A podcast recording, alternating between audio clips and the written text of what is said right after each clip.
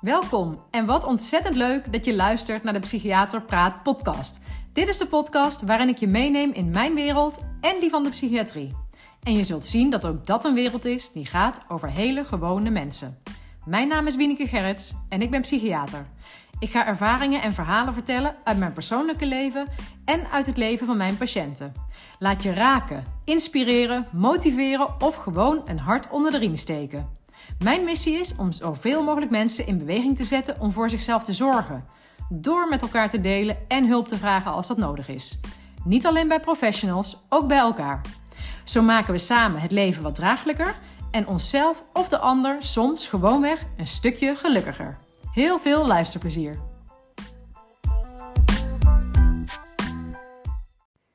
Hey, hallo, good morning.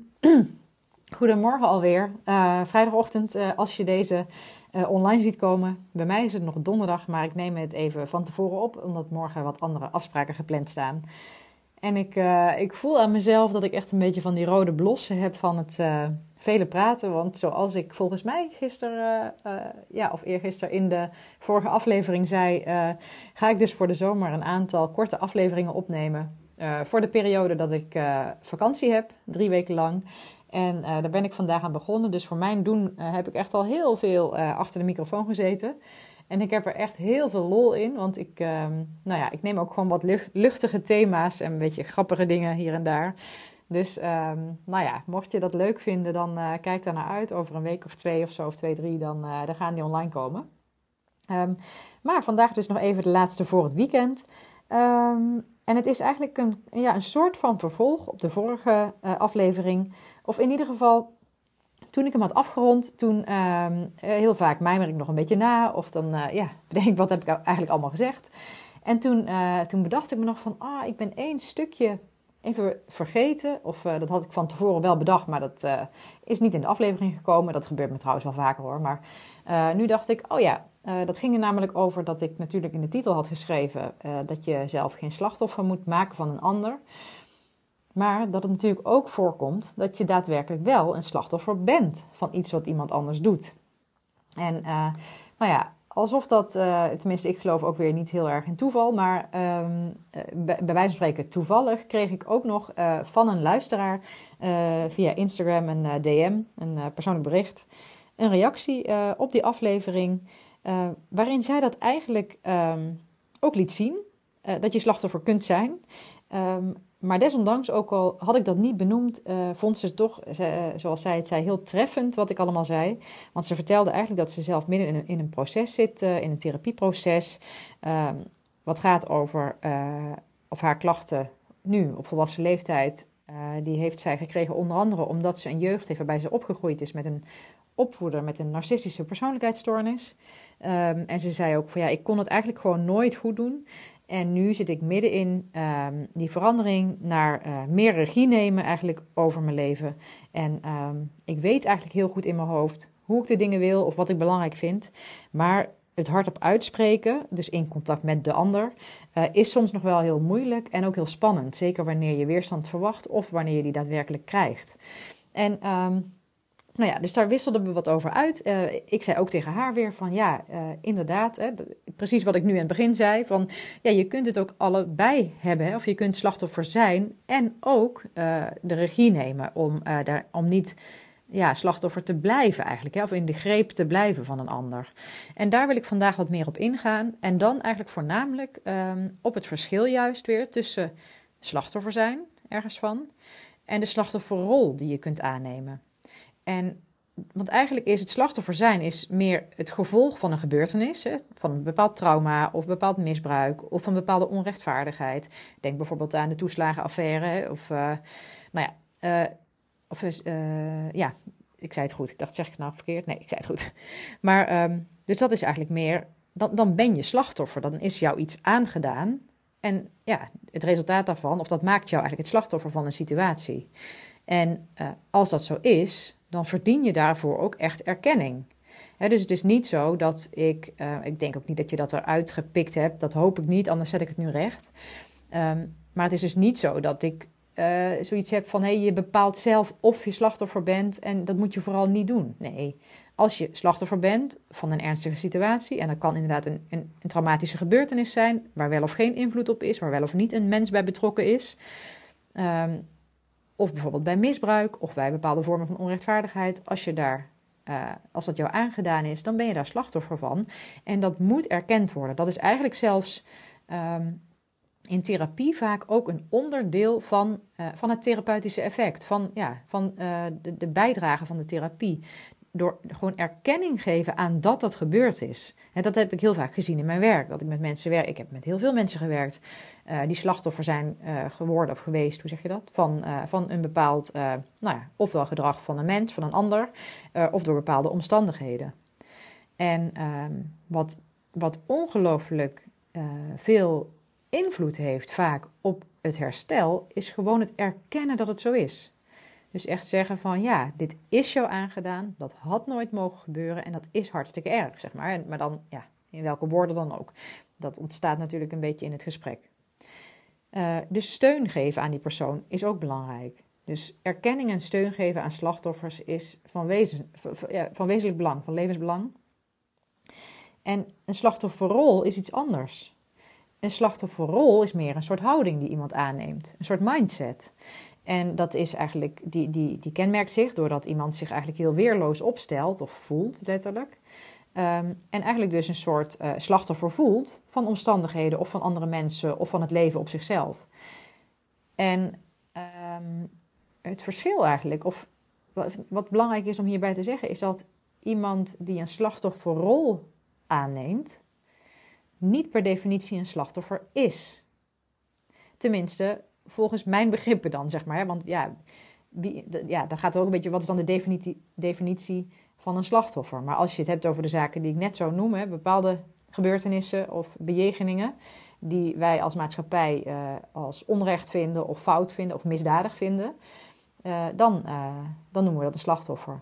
Maar er zijn ook mensen die, nou ja, voor zover dat herleidbaar is, misschien niet van zoiets specifieks een slachtoffer zijn geworden, maar wel die rol aannemen. En ik wil niet zeggen, ik wil ook hier niet oordelend over zijn, dat dit dan nep is of fake of zo, hè? Of, uh, of, of nagebootst of overdreven of zo. Ik denk dat mensen die een slachtofferrol aannemen, dus ja, zich een slachtofferrol aanmeten, ja, zich gewoon zo voelen. En misschien op dat moment ook niet tot, tot een ander gedrag hè, of een andere houding in staat zijn. En, um, maar ja, soms is het dus niet goed te herleiden waar dat vandaan komt. En um, eigenlijk, uh, want ook daarvan ben ik heel veel mensen tegengekomen in mijn werk. En uh, ik heb eigenlijk zonder uitzondering, kan ik zeggen dat mijn ervaring is dat wanneer iemand er niet eigenlijk in slaagt om met hulp, bijvoorbeeld met hulp van therapie, uit die slachtofferrol te komen. Uh, dat dan zeg maar in ieder geval de behandeling, in, ja, dus in mijn ervaring, dus de behandeling die ik uh, uh, gaf of deed samen met collega's, soms of soms alleen ikzelf. Als iemand niet uit die rol wist te komen, ook niet met de hulp die geboden werd, dan zie je zelden verbetering op eigenlijk het emotionele welzijn en de persoonlijke ontwikkeling van iemand en de, de relaties die hij met anderen heeft. Want dat is namelijk vaak wat er gebeurt. Als iemand een slachtofferrol aanneemt, dan zie je vaak dat het gewoon een negatieve invloed heeft. Zowel op hoe hij zich voelt, hè, dus zijn emotionele belevingswereld, uh, maar ook hoe uh, de kwaliteit van de relaties met de mensen om diegene heen. Die wordt over het algemeen negatief beïnvloed als iemand een slachtofferrol aanneemt. Nou ja, ook dat heb ik veel gezien, dat iemand die bij mij in behandeling kwam, die inderdaad echt gewoon zo'n hele heel negatief denkpatroon heeft en een gedragspatroon heeft, waarbij hij eigenlijk alle verantwoordelijkheid buiten zichzelf legt. En het idee heeft van ja, ik, ik heb toch geen controle over de situatie, ik voel me machteloos. Eh, en ook heel erg bijvoorbeeld de schuld aan anderen geven en heel gevoelig zijn voor onrecht om hem heen. Dan heb ik ook heel vaak gezien dat personen daaromheen, die eigenlijk belangrijk zijn voor deze patiënt, dat die relatie echt onder spanning staat. Dus dat zijn soms partners, uh, soms ouders, of soms juist kinderen, of soms goede vrienden. Want dat is wat ik um, uh, als psychiater in de GGZ gewoon uh, bijna zonder uitzondering deed. Altijd kijken van welke belangrijke personen uit het systeem van deze patiënt kan ik betrekken. En om de patiënt beter te begrijpen, ook soms om te helpen de problematiek te verwoorden naar de ander, zodat de patiënt zich beter begrepen voelt door zijn vader, moeder, vriend, partner, wat dan ook. Uh, en voor het vervolg. Want straks als iemand uit behandeling is, hè, of stopt of uh, verder gaat, dan uh, wil je als, als hulpverlener graag helpen, hen een beetje op weg helpen om samen verder te kunnen. Dus, um, en ik heb dus gezien inderdaad dat er heel vaak allerlei verschillende type relaties, niet alleen liefdesrelaties, maar dus ook gewoon familierelaties en vriendschapsrelaties, collega-relaties, et cetera dat die onder spanning komen te staan op het moment dat iemand de slachtofferrol heeft. En um, mensen vinden dat vaak, hè, dus daaromheen, vinden het vaak ook lastig te verdragen. Want iemand um, stelt zich ook niet echt helpbaar op. Iemand is heel vaak wat uh, hulpafwijzend. Want heel vaak is de hulp die aangeboden wordt erop gericht dat de persoon zelf iets moet doen. Of zelf iets moet veranderen. Of zelf iets moet aankijken, hè, figuurlijk. En daar zijn de mensen in de slachtofferrol die nog niet klaar zijn om daaruit te komen of om te gaan veranderen, uh, vaak niet blij mee. Want die hebben eigenlijk het gevoel dat die, die voelen dat ook letterlijk niet zo. Dat, ze dat, dat dat binnen hun macht ligt. Dus die hebben ook het idee dat ze van buitenaf gefixt moeten worden. Of dat er überhaupt buiten hen iets moet veranderen. En dat dan hun leven weer kan gaan lopen op een manier uh, die goed voor hen is. Dus de persoon in de slachtofferrol, die heeft heel vaak last van allerlei frustraties. Die voelt, die voelt zich verbitterd, die voelt zich hulpeloos. Die, ja, die zit eigenlijk helemaal klem.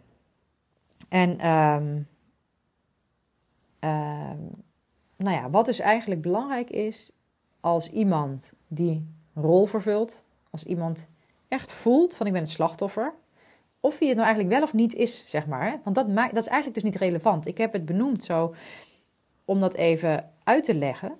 Je hebt slachtoffers van bepaalde zaken en daar moet je altijd erkenning en steun uh, aanbieden. Ja, als, als je dat kunt, als je die mensen tegenkomt, of als je de hulpverlener bent, of als je de, iemand, uh, een van de naasten bent. Maar iemand in de slachtofferrol kan dus inderdaad een, uh, een evident slachtoffer zijn, dus die verdient en die erkenning en die steun voor dat, datgene waar ze slachtoffer van zijn geworden. En die persoon in de slachtofferrol, diezelfde persoon, die moet ook geholpen worden, eigenlijk om te streven naar het nemen van verantwoordelijkheid. Om je streeft met die persoon, ik doe dat als hulpverlener, ik doe dat nu ook. Uh, ik, ik, deed dat altijd al als psychiater. En nu doe ik dat soms ook als coach, want ook als coach kom ik mensen tegen die ook het gevoel hebben er slachtoffer van te zijn. Um, ook nu streef ik ernaar dat deze personen en verantwoordelijkheid gaan nemen voor hun eigen leven, voor hun eigen gedrag, ook voor hun eigen denkpatronen. Dat ze meer op zichzelf gaan reflecteren. Dus dat ze, dus, en daar ga ik ze dan bij helpen natuurlijk. Dan help ik ze erbij om te kijken van hé, hey, maar wat doe je nu eigenlijk? Wat zeg je nu eigenlijk tegen jezelf? Of uh, waar leg je eigenlijk uh, uh, de controle neer? Je legt de controle buiten jezelf neer. En om daarop te reflecteren, dus inzicht in te krijgen, kan vaak al heel helpend zijn. En natuurlijk ben ik bezig met empowerment, met het ja, iemand um, gaan laten ervaren en laten inzien dat heel veel uh, controle ook juist wel in henzelf ligt. Dat ze wel uh, eigenlijk dus krachtig zijn. Dat, ze wel, dat veel wel in hun eigen macht ligt. Ook een deel niet, maar ook een deel wel. En um, um, Oh, nou, het schiet me even wat ik, uh, wat ik net wil zeggen. Maar wat, nou, wat gewoon zo kenmerkend is voor iemand die in, de, in de huid van het slachtoffer kruipt, hè, dus echt in, in de rol gaat zitten, dat hij eigenlijk gewoon um, uh, zichzelf slachtoffer beschouwt van een situatie, maar zelf geen actie onderneemt tot verandering. En eigenlijk realiseerde ik me dat, um, dat ik dus heel vaak op die manier praat, ook in mijn podcast. Omdat het heel vaak gaat over heel erg kijken naar dat stukje waar wel je controle ligt, waar je wel verantwoordelijkheid kunt nemen. En oh ja, nou weet ik weer wat ik net wilde zeggen. Want de slachtofferrol, eh, ik zou me heel goed kunnen voorstellen dat jullie als luisteraar ook allemaal wel iemand kennen, bijvoorbeeld waar, waar je net meteen herkenning bij had. Van oh ja, uh, ik weet het niet zeker natuurlijk hoor, maar ik ken ze wel. Maar ik heb ze natuurlijk in mijn werk heel veel gezien, maar ook daarbuiten wel. Er zijn altijd mensen waarvan je denkt, nou kom op hé. Weet je wel, dat je het gevoel krijgt van, hè, pak het eens even aan. Of doe het even zelf. Of neem wat verantwoordelijkheid. Of neem wat initiatief. Nou, in ieder geval waar je een beetje ongeduld bij voelt. Of soms zelfs misschien ook wel irritatie. Omdat je denkt, ja hallo, je legt het de hele tijd buiten jezelf neer. Kijk ook even naar wat je zelf kunt doen. Dat idee. maar soms is dus zo'n slachtofferrol die iemand neemt heel erg zichtbaar. Maar eigenlijk heb je het in allerlei gradaties. Dus in meer of mindere mate. En uh, mensen kunnen het ook op deelgebieden wel hebben en op andere deelgebieden niet. Ik weet niet of je me nu nog kunt volgen, want ik word natuurlijk, het is nog redelijk abstract. Um, maar uh, laat ik even twee voorbeelden noemen. De eerste is, um, ik heb eens uh, met iemand gewerkt. Um, ik hou het wat vaag, maar iemand die zelf ook werkte in de zorg, in de GGZ zelfs. iemand die eigenlijk heel succesvol was in het werk. Of is, misschien nog steeds. Ik bedoel, eh, ja, dat maakt eigenlijk niks uit. Iemand die uh, heel succesvol als medewerker in de GGZ werkte. Dus ook met mensen die eigenlijk psychisch kwetsbaar waren of zijn. En uh, daar echt uh, verantwoordelijkheid nam. Echt liet zien van, hé, hey, ik ben hier degene als onderdeel van het team. Ik, ik sta hier als professional. en ik neem de verantwoordelijkheden die daarbij horen. En ook gewoon goed werk leveren. Terwijl ze eigenlijk op een persoonlijk vlak een relatie had, een gezin had met kinderen, een relatie, waarin ze zich ongelukkig voelde. En uh, veel later heb ik met haar daar wel eens gesprekken over gehad. Uh, veel later dan het punt waar ik het nu over hebben. Maar is dat zij eigenlijk terugkijkend zei van... Eigenlijk heb ik me altijd een beetje als slachtoffer opgesteld van mijn partner. Want ik had het niet altijd leuk of ik voelde me niet altijd gesteund. En ik was dan in mezelf, niet hardop, maar in mezelf, heel verwijtend naar mijn partner. Ik nam het hem eigenlijk kwalijk dat er bepaalde dingen ontbraken in mijn leven die ik echt miste, die ik eigenlijk wilde dat er waren. En uh, nou, om even een lang verhaal kort te maken, uh, zij zei zelf ook van ja, ik, ik heb me daarin iets te veel machteloos opgesteld. Eigenlijk iets te veel als slachtoffer opgesteld. Ik heb in die tijd eigenlijk niet de verantwoordelijkheid genomen om op te komen voor datgene wat ik nodig had of waar ik meer naar verlangde.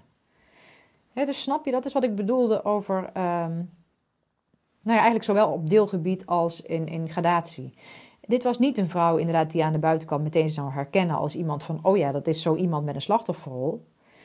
Maar in ieder geval was het ook haar eigen conclusie, omdat zij ook wel die taal spreekt. Dus daarom kon ik dat gesprek met haar ook hebben. Maar um, was haar eigen conclusie ook van ja, eigenlijk ben ik ongemerkt toch een tijd lang wel in die slachtofferrol blijven hangen. En daar werd ik ongelukkig van. Dat deed mij geen goed. Dat heeft ook gewoon uh, bepaalde, op een bepaalde rem op bepaalde dingen gezet. Ook, uh, ze heeft ook daarmee, in die tijd althans, minder haar ambities na kunnen leven of geleefd dan, um, dan dat ze had gewild. En nog, als, want ik zei, ik ga twee voorbeelden noemen. Eén is mijn eigen situatie. Ik heb, uh, als ik terugkijk, denk ik, um, in de tijd dat ik zo veel pijnklachten kreeg in mijn heupen. En daardoor, uh, nou, hoe zeg je dat? Ja, ik was zeg maar slachtoffer van een lichamelijke aandoening waar, die mij belemmerde. Waardoor ik op een bepaald moment helemaal niet meer kon werken. Um, en, en ik dus niet voor mijn kinderen kon zorgen voor een heel groot deel. en allerlei. Nou, hè, dus ik, ik werd enorm beperkt door een lichamelijke aandoening die mij overkwam. Waarvan ik wel soms denk: oké, misschien dat hoe ik met mijn lijf omging, had ik daar invloed op kunnen hebben. Maar hoe dan ook, ook al uh, had ik anders gehandeld. Ik bedoel, dat, ja, die afwijking in mijn heupen zit er gewoon.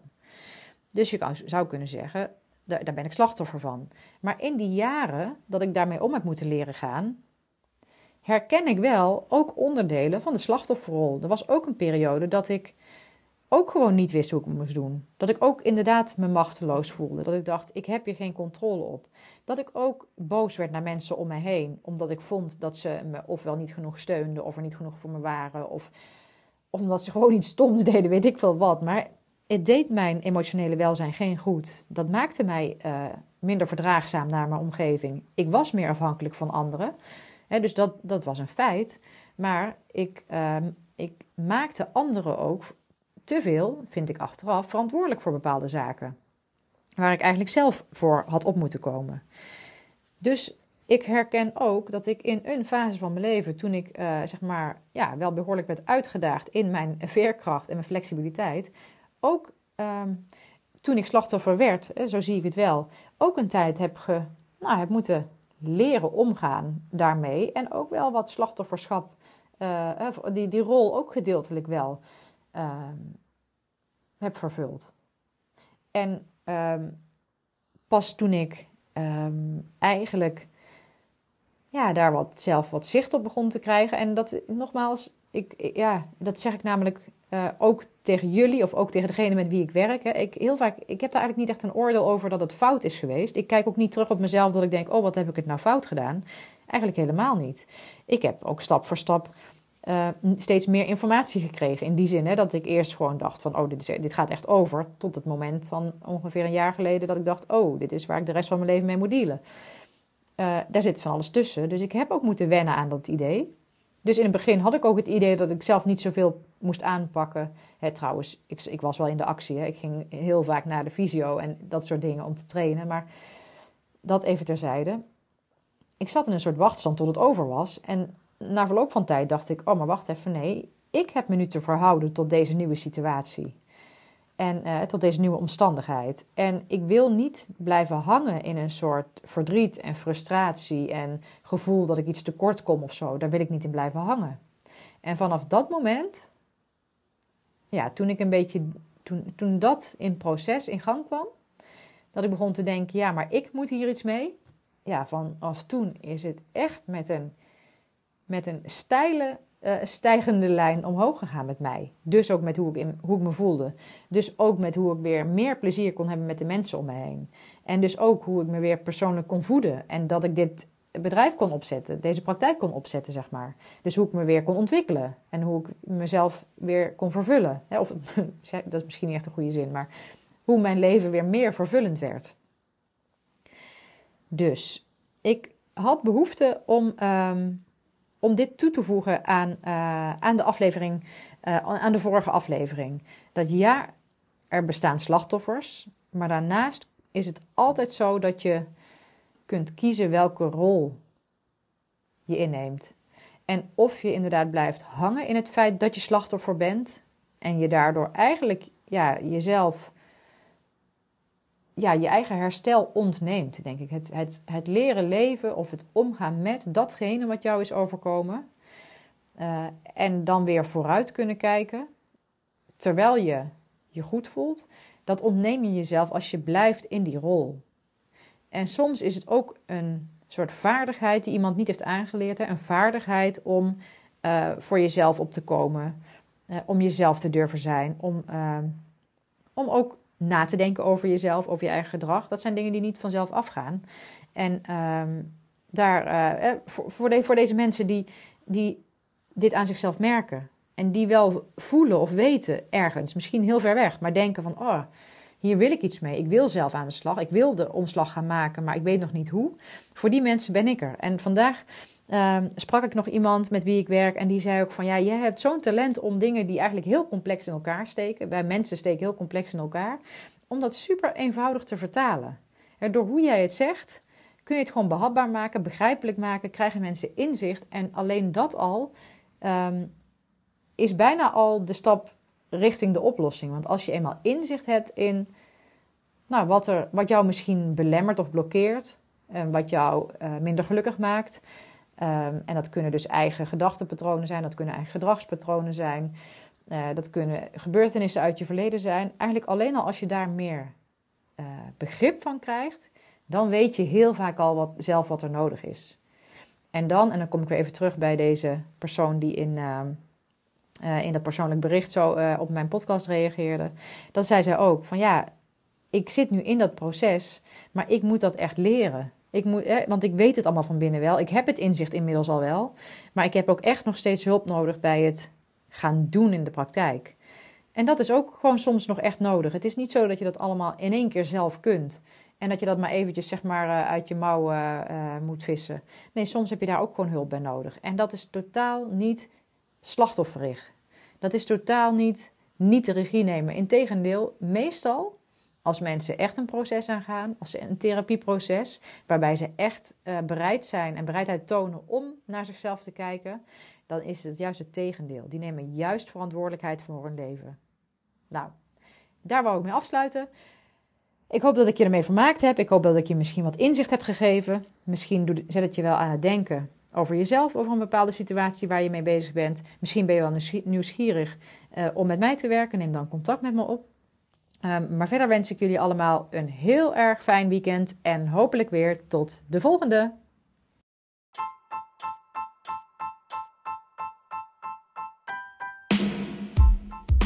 Ha, ik vind het echt super leuk dat je mijn aflevering beluisterd hebt en nogmaals heel erg bedankt daarvoor.